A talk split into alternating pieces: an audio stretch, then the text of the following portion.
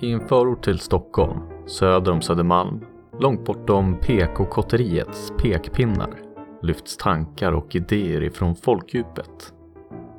Detta är det tredje avsnittet av Söder om Söder som spelas in den 20 mars 2017. Jag som pratar heter Sebastian. Välkomna! Jag vill börja med att tacka för det mycket motiverande mejl, kommentarer och den konstruktiva kritik som jag och detta poddprojekt har fått. Fortsätt att lämna era synpunkter och kommentera, men framförallt sprid avsnitten om ni tycker att det borde nå fler. Dagens avsnitt kommer att handla om yttrandefrihet och lagen om hets mot folkgrupp ämnen som skulle kunna diskuteras i en lång programserie utan att tömmas ut. Men vi tar en överblick och försöker hålla oss till Sverige. Länkar till alla artiklar som tas upp i programmet kommer ni finna i shownotesen. Vi tar avstamp i en artikel publicerad på Nyheter Idag den 19 augusti förra året. Rubriken lyder Bokmässa på temat Yttrandefrihet backar efter kritik. Nya tider, inte längre välkomna. Detta handlar alltså om hur mässan Bok och bibliotek i Göteborg, ofta marknadsförd som Bokmässan, som lockar cirka 100 000 deltagare årligen, valde att inte låta Nya Tider få en monter, trots kontrakt. Vi lyssnar på förklaringen till varför av VDn på Bok och bibliotek, Maria Kjellson. När vi lyssnade till de reaktionerna vi kände oss de viktigaste människorna för oss, nämligen författarna, besökarna och våra samarbetspartner och såg hur de reagerade. Det är i de lägena man får våga ompröva beslut och då gjorde vi det och då kom vi fram till att det är bättre att Alterna Media och Nya Tider inte ställer ut på Bokmässan i år. Till en början stod arrangören på sig och menade att även Nya Tider borde få ställa ut. Inte minst då det är en fråga om yttrandefrihet men backade alltså senare efter påtryckningar ifrån de viktiga människorna som Kjellson pratar om. Nya Tider och Alterna Media hade planerat att eh, låta den tidigare byrådirektören för Sjöfartsverket, men numera samhällsdebattören och författaren, Stefan Torssell, berätta om sin bok som handlar om Estonia-katastrofen. Men eh, det som sägs väckte motståndet mot deras närvaro vara tidningen påstås ha, eller i vart fall ha haft, kopplingar till högerextrema grupper. I en artikel på nyatider.nu den eh, 19 augusti förra året kan vi läsa citat Lenins barnhörna och böcker som förnekar kommunismens folkmord går bra. Men inte ett förlag som presenterar en bok om Estonia och en nyhetstidning med ett statligt pressstöd. Ett citat från Vaura Suk, chefredaktör för Nya Tider, lyder det är tragiskt att man böjer sig för några få högljudda personer som känner konkurrensen från alternativ, fri media. Dessutom när Sverige firar 250 år av tryckfrihetsförordningen. Nu är Bokmässan visserligen en privat aktör, så utöver kontraktsbrottet så har det givetvis all rätt att utesluta vilka de vill på vilka godtyckliga grunder som helst. Men att ha temat yttrandefrihet och eh, samtidigt låta det fria ordet förtryckas rimmar något illa. Nu slutade detta visserligen ändå med att Bokmässan ändrade sitt beslut ytterligare en gång och eh, Nya Tider fick delta. Men vi tar det lite senare. Vad betyder egentligen yttrandefrihet? Det första stycket på Wikipedia lyder citat Yttrandefrihet omfattar en frihet att yttra och föra fram åsikter utan censur, begränsning eller någon typ av bestraffning. Några rader ner kan vi läsa att i alla rättsstater, även de som klassas som demokratiska, finns det dock begränsningar för yttrandefriheten. Begränsningarna varierar mellan olika länder. Till exempel har de flesta länder förbjudit hot om våld och har program mot mobbing. Även den som avslöjar militära hemligheter kan ofta straffas.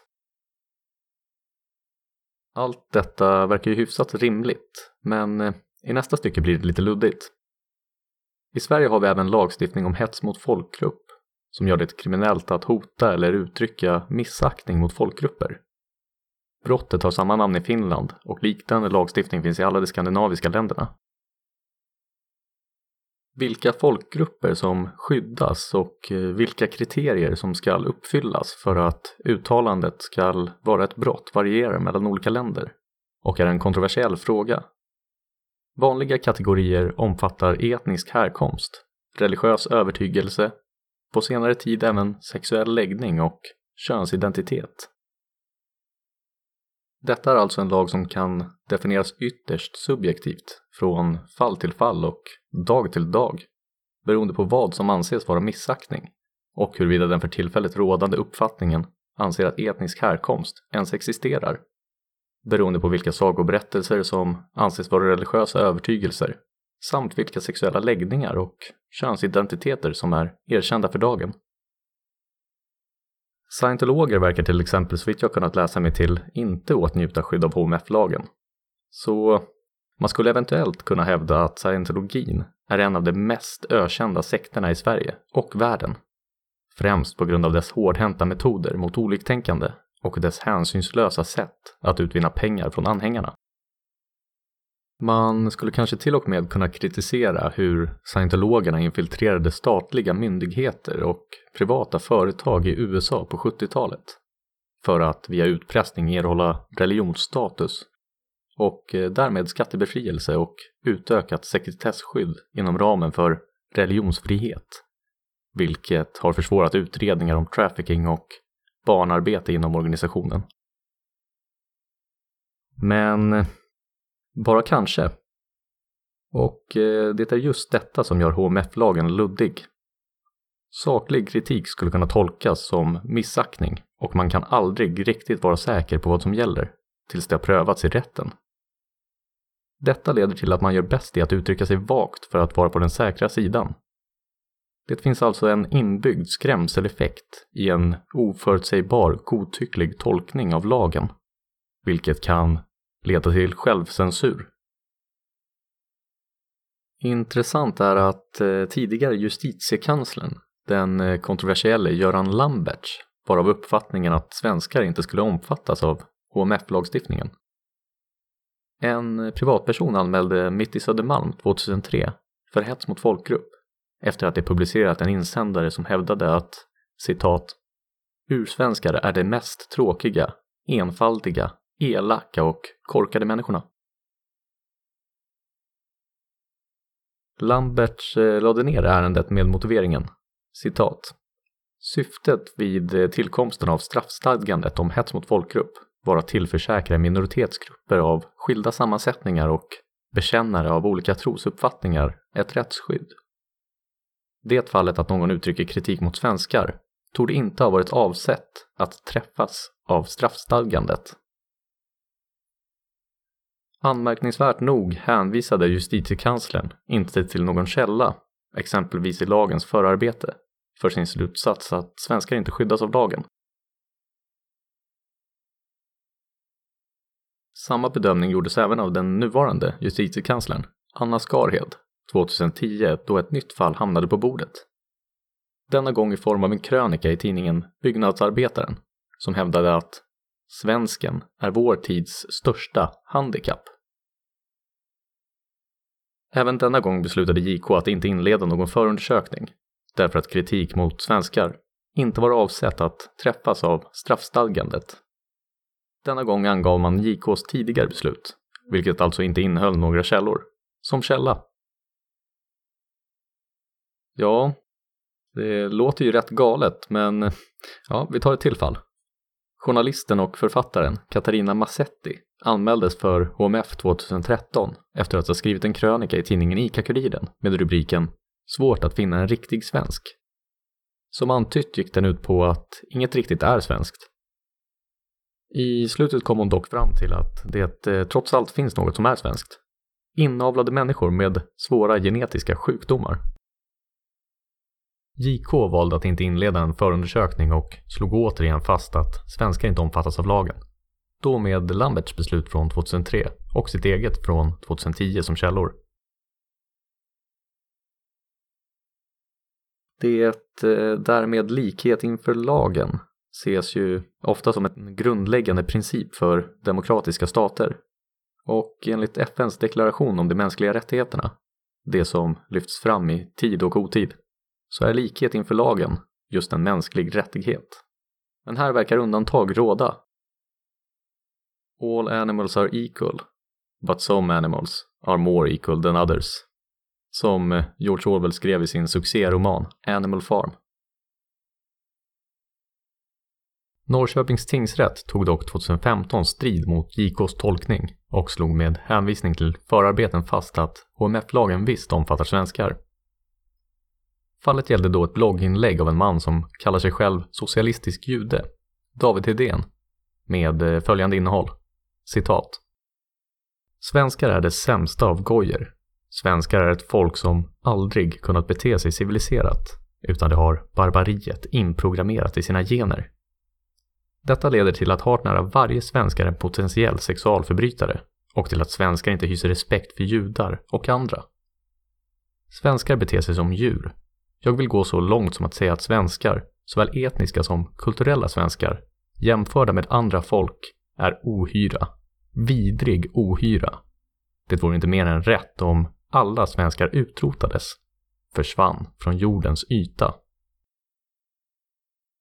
Ja, det där var ju rätt osmakligt att citera. Tingsrätten ansåg däremot att inlägget inte skulle bedömas som olagligt. Bland annat för att texten sannolikt endast läst av en snäv krets personer och formuleringen också var svävande. Sammanfattningsvis slog eh, tingsrätten fast att lagen om hets mot folkgrupp kan tillämpas på uttalanden riktade mot svenskar.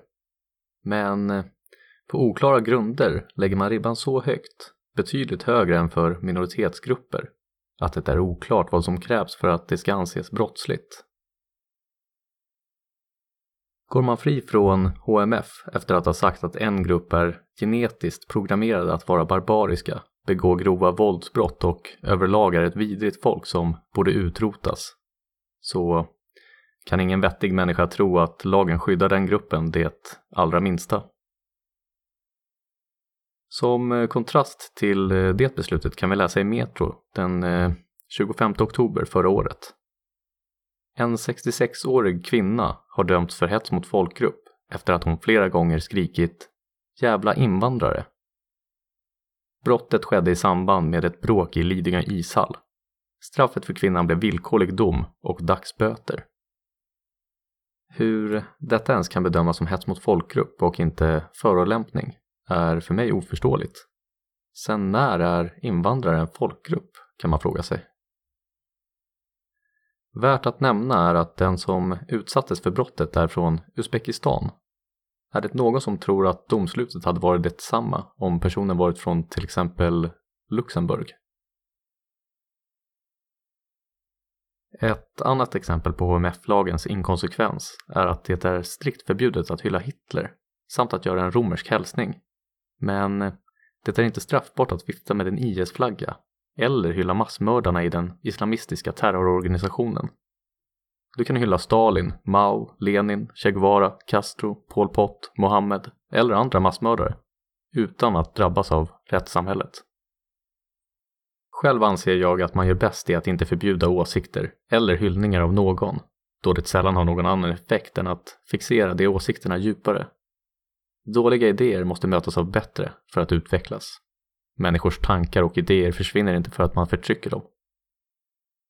Men eh, varför är det så här då? Hur motiveras de dubbla måttstockarna och den i ordets rätta bemärkelse rasistiska lagstiftningen?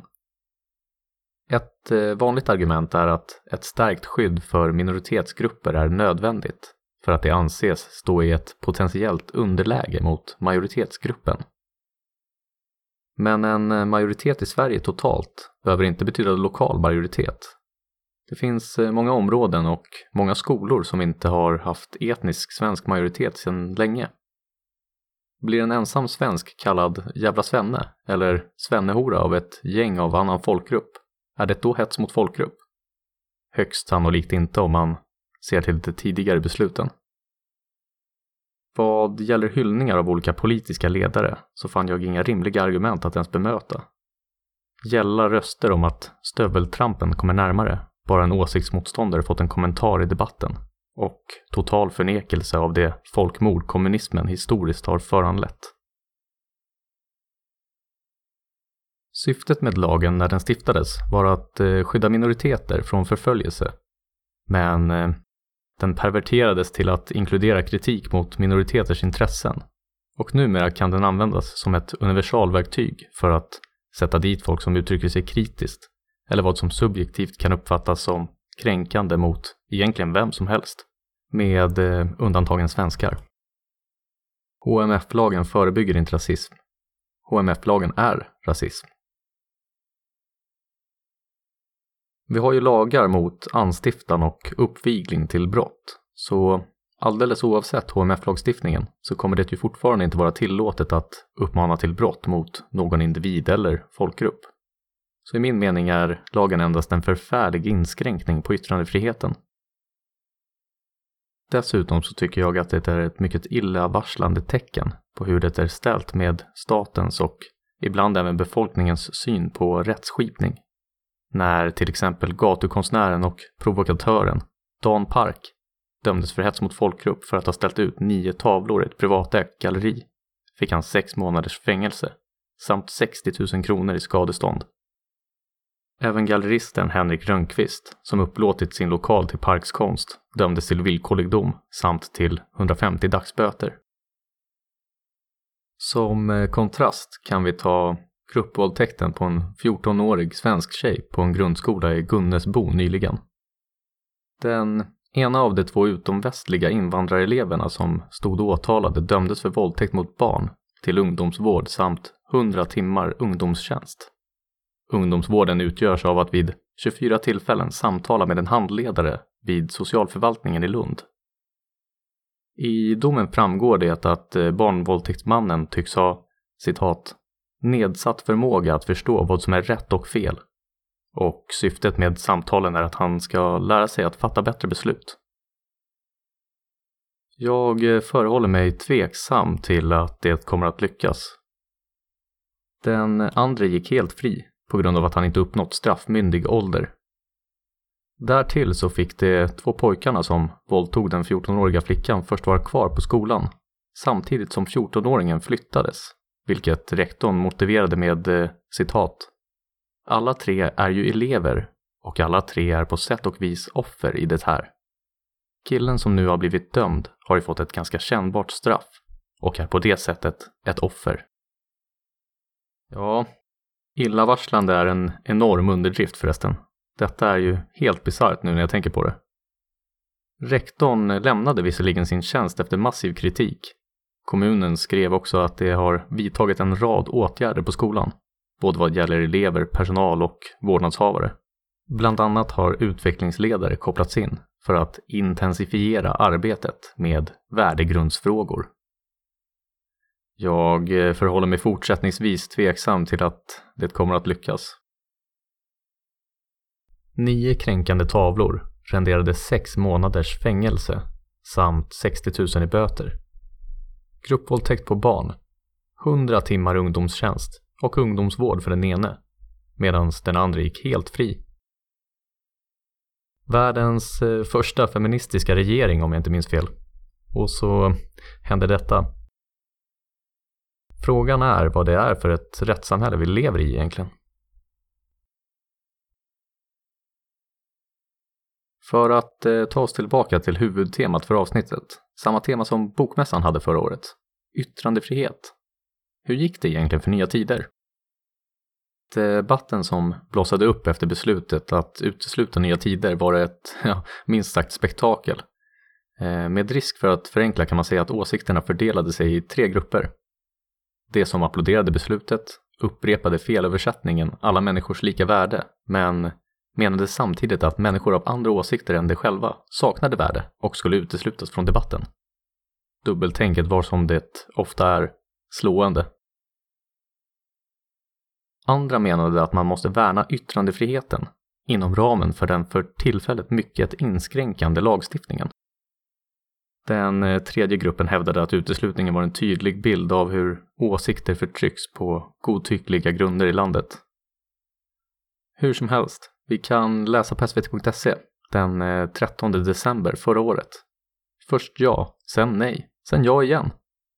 Bokmässan i Göteborgs velande huruvida den högerextrema tidskriften Nya Tider skulle få ställa ut blev en av höstens stora debatter.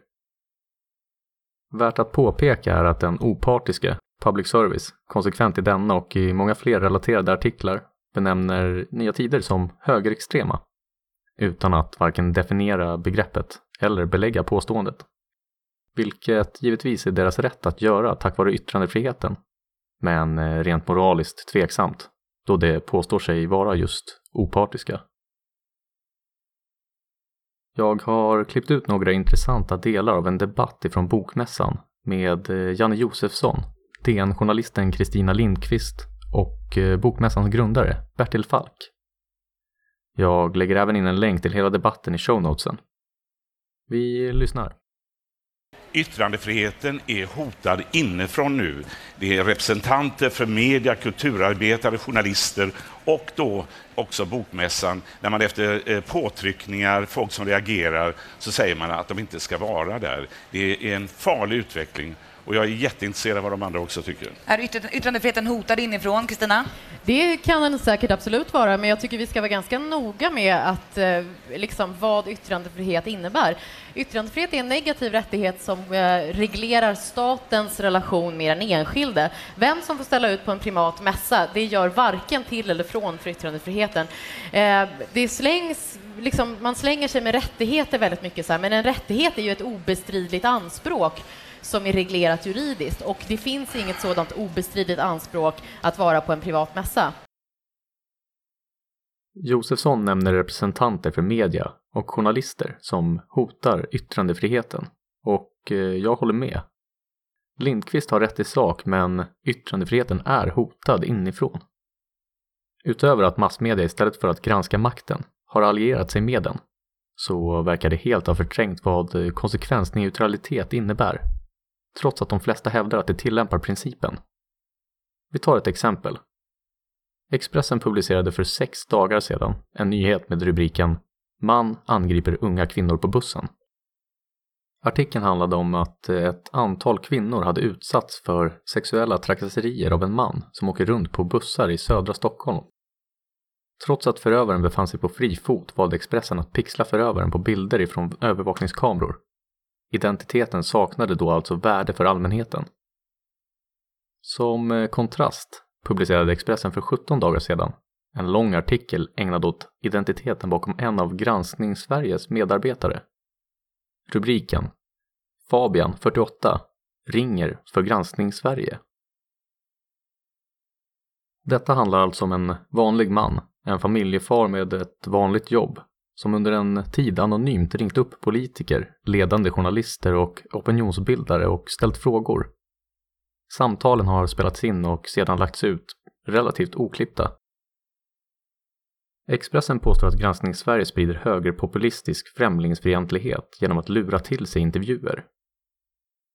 Vad som följer i denna och i uppföljande artiklar i Expressen är försök att misskreditera Granskning Sverige och karaktärsmörda Fabian här är alltså identiteten av värde för allmänheten. Av så pass stort värde att Thomas Mattsson skickade en reporter oanmäld hem till Fabian i ett försök att ytterligare svartmåla honom.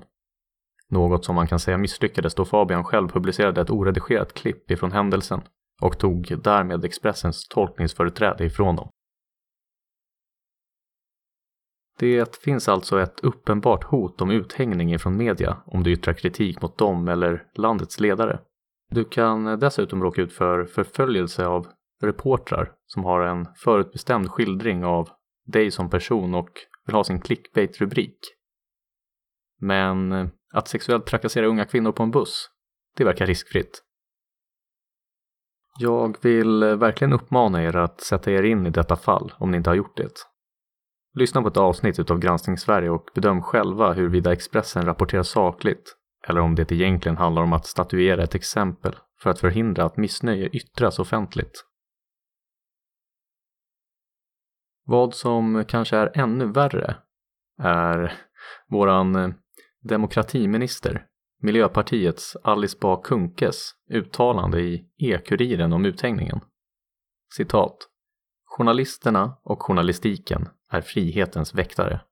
Och om det fråntas möjligheterna att göra sina jobb på grund av hat eller hot eller på grund av att deras journalistik ifrågasätts, då har väktarna, det som ska försvara vår demokrati, förlorat sin kraft. Hon säger alltså att det är allvarligt att journalister ifrågasätts. Hennes uppfattning tycks vara att media ska vara en totalitär makt där ifrågasättande är kriminaliserat. Det är alltså hennes uppfattning om demokrati. En totalitär massmediadiktatur. Detta är återigen våran demokratiminister. Ytterst skrämmande. Min egen uppfattning är givetvis att det är bra att journalister ifrågasätts. Och inte bara journalister, utan även politiker, författare, lärare, läkare. Förr så fick man lära sig att vara kritisk och ifrågasätta. Jag tror att det är viktigare idag än kanske någonsin tidigare. Vi lyssnar vidare på debatten. Bokmässan är inte precis vad som helst. Det är inte att jämföra med, som några har gjort, eh, båtmässan och eh, förpackningsmässan. Det handlar om yttrandefrihet och det handlar också om en institution som vars stiftelse är kommunal. Och det, det är så här att Yttrandefriheten är någonting som inte bara är något vackert, någonting som man tycker, åh vad bra. Det innebär att de, vi måste slå vakt om de mest förhatliga åsikterna, att de åsikterna måste finnas och de ska vi slåss mot med ord och fakta. Mm. Det är det som är demokratin. Det kan vara fel åsikter, det kan vara åsikter som till och med är tokiga. Det är det. Om vi bara ska ha debatt med de som tycker ungefär likadant, det finns jättemånga små fattiga tidskrifter som inte får vara med. Det är inget brott för yttrande, mot yttrandefriheten att de inte får vara här. För... Precis, var går gränsen, Bertil? Nej. Vilka får vara med och vilka får inte med? Får alla alltid vara med? Först vill jag säga det att du har helt rätt. Alltså, vi är en arena. Vi bestämmer vilka som får vara med på arenan. Och vi kan alltså säga nej till vilken utställare som helst mm. utan att börja förklara varför de inte får vara med. Mm. Men kärnan i år, det är att vi har yttrandefrihet i fokus. Det har varit massor med program som hanterar yttrandefriheten. Och jag tror att det är den största manifestationen i Sverige någonsin där man pratar om yttrandefrihet. Och just i det läget, när vi har det som kärna i hela mässan, alltså, då ska man vara med. Det där är ett fruktansvärt, det är ett löjeväckande argument. Yttrande, yttrande, ursäkta, men yttrandefriheten är inte ett tema. Yttrandefriheten är vår grundlag. Den gäller. Den gäller oavsett om Nya Tider är här eller inte. Den gäller oavsett om jag är här eller inte, eller ni. Det har ingenting med saken att göra. Yttrandefriheten är skarp. Yttrandefriheten är inte skarp. Den är som tidigare belagt ytterst luddig. Vi lyssnar vidare. Men man är ju inne på ett sluttande plan som är riktigt, riktigt allvarligt. Yttrandefriheten kan försvinna inom en nära tid journalister är fysiskt hotade, men nu hotas bland man även... Men det, bland annat ja, av sådana som Nya Tider, ska jag tillägga. Kan jag få snacka? Varsågod, varsågod. Ja, men det blir ju inte hånle. Du kan väl för fan låta mig få säga någonting om vi nu ska ha en debatt. Varsågod. Och då menar jag så att den är allvarligt hotad. Och när man kommer in på ett sluttande plan där man också säger så här att vi måste ha samma värdegrund. Det var det som gjorde att man stoppade Nya Tider också. Då, då innebär, vilken värdegrund är det? Man har montrar här som förnekar folkmordet i Kampuchea. Man har montrar här som delar ut Lenin-karameller till barnen. Alltså den kommunistiska regimen. Är det den värdegrunden? Är det helt okej okay att försvara koncentrationslägen i Nordkorea och sånt där? Men då, hamnar man ju, då får man ha åsiktspoliser då, då legitimerar man den personens världsbild. Jag skulle aldrig någonsin ställa mig och debattera med någon som vill göra lampskärmar av människohud och det är det det är, det, liksom, det är ju slutpunkten i detta. För då säger man så här, den som inte accepterar det grundläggande människovärdet, den debatten är död. Jag skulle aldrig ta en Få sån in Bertil här. Ja, jag vill bara fråga dig, finns det någonting som tyder på att nya tider föreslår att man ska göra lampskärmar jag drog... Alltså det är så jag bara undrar. Det är så virrigt. Jag pratar om nazismen ja, men jag pratar, Vi pratar om nya tider nu. Va? Vad pratar du med? Eh, Okej, okay, vi pratar om allt möjligt. Vi pratar om hur, vilka debatter är värda att föra. Mm. Jo, men du, vi, ska, vi, vi, ska, vi pratar vi ska... om nya tider. Har du inte uppfattat det? Ja, den här Lindqvist alltså. Att man skulle legitimera sin meningsmotståndares åsikter genom att ställa upp i debatt. Ja, det är ju ett helt bisarrt och eh, barnsligt argument. Återigen, eh, dåliga idéer behöver möta bättre idéer för att utvecklas. Och det här med lampskärmar. En eh, seglivad myt som helt saknar relevans i debatten. Att säga nazism är inte ett argument. Vi lyssnar vidare. Får jag ställa en sista fråga? En sista. Tycker du att det ska finnas folk här som kanske förnekar folkmordet i Kampuchea? Jag har redan berättat vad jag tycker är min grundläggande sak. Det, jag tycker att det grundläggande människovärdet är det och finns det andra som inte står upp för det så tycker jag inte att de ska vara De här ska inte heller. få vara här. De ska inte vara här alltså. Jag tycker att det grundläggande människovärdet Så det är, är en om- bra utgångspunkt. Det är mitt svar till dig. Ja, och vad innebär det? Då kommer man in konkret. Jag vet vad inte om vår det? programledare vill leda debatten själv här kanske, men eh, Vi får, tack så hemskt Tack så mycket. Tack. tack. Tack du ha. Personligen så tycker jag att en åsiktsprövad yttrandefrihet är mycket obehaglig. Om du anser dig ha rätten att tysta den som inte tycker som du, vad händer om din meningsmotståndare ska ha samma rättighet? Om du anser dig ha rätten att bruka våld mot den som inte tänker som du, vad händer om din meningsmotståndare ska ha samma rättighet? Det borde varken vara förbjudet att förneka folkmordet i Kampuchea, förintelsen och inte heller månlandningen för den delen. Allt bör bemötas med argument och information. Det eh, grundläggande människovärdet som Lindqvist undviker att definiera är inte heller ett argument. Själv så anser jag att eh, åsiktsförtrycket är uppenbart. Massmedia, kultureliten och våra politiker visar gång på gång prov på det.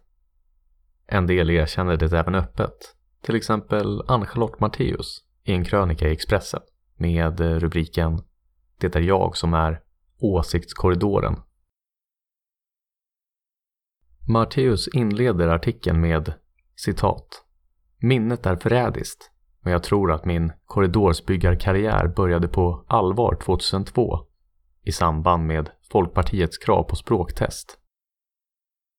Vidare beklagar hon sig över det debattklimat hon själv varit med att skapa och hon beskriver ingående hur arbetsmetoderna gick till. Citat. Uppdraget för mig som korridorsarbetare var tvåfalt. För det första, att varna för Sverigedemokraterna och skälla ut alla de bondläppar som funderade på att rösta på partiet. För det andra, att slå ner stenhårt på debattörer som använde uttryck som på något sätt kunde normalisera Sverigedemokraternas problembeskrivning. Attackera varenda jävel som använde ord eller fakta som på något sätt kunde tolkas som rasism. Eller glidningar mot rasism. Eller eventuella förstadier till glidningar mot rasism. Hon eh, poängterar i slutet av artikeln att självcensur och rädslan för att förbehållslöst undersöka verkligheten har lett till att samhällsproblem som borde ha uppmärksammats och åtgärdats för länge sedan nu kommer att bli desto dyrare och svårare att hantera. Jag håller helt med i analysen men detta skrevs för två år sedan. Hur ser det ut idag? Har rädslan ersatts med mod? Har samhällsproblemen uppmärksammats och åtgärderna som krävs implementerats för att undvika att det framledes blir ytterligare desto dyrare och ännu svårare att hantera? Ja, ni får bedöma själva. Avslutningsvis så vill jag läsa ett översatt citat ifrån Rowan Atkinson. Det lyder Friheten att kritisera idéer, vilken idé som helst, även om det är uppriktigt hållna övertygelser, är en av de fundamentala friheterna i samhället. Och lagen som försöker säga att du kan kritisera eller förlöjliga idéer, så länge det inte är religiösa idéer, är sannerligen en väldigt egendomlig lag. Det visar på främjandet av idén att det bör finnas en rätt att inte bli förolämpad. Men enligt min åsikt är rätten att driva med någon mycket viktigare för ett samhälle än rätten att inte bli förlöjligad, eftersom att det första är frihet och det senare förtryck. Det tredje avsnittet av Söder om Söder är härmed slut. Kommentera gärna och berätta vad du tyckte. Håller du med om resonemangen? Missades någonting viktigt? Är yttrandefriheten hotad eller inte? All feedback är välkommen, positiv som negativ. Slutligen, tack för att du har lyssnat. Har du synpunkter, ett ämne du vill ska tas upp i programmet eller kanske rent av vill medverka? Maila till sos.swedenmail.com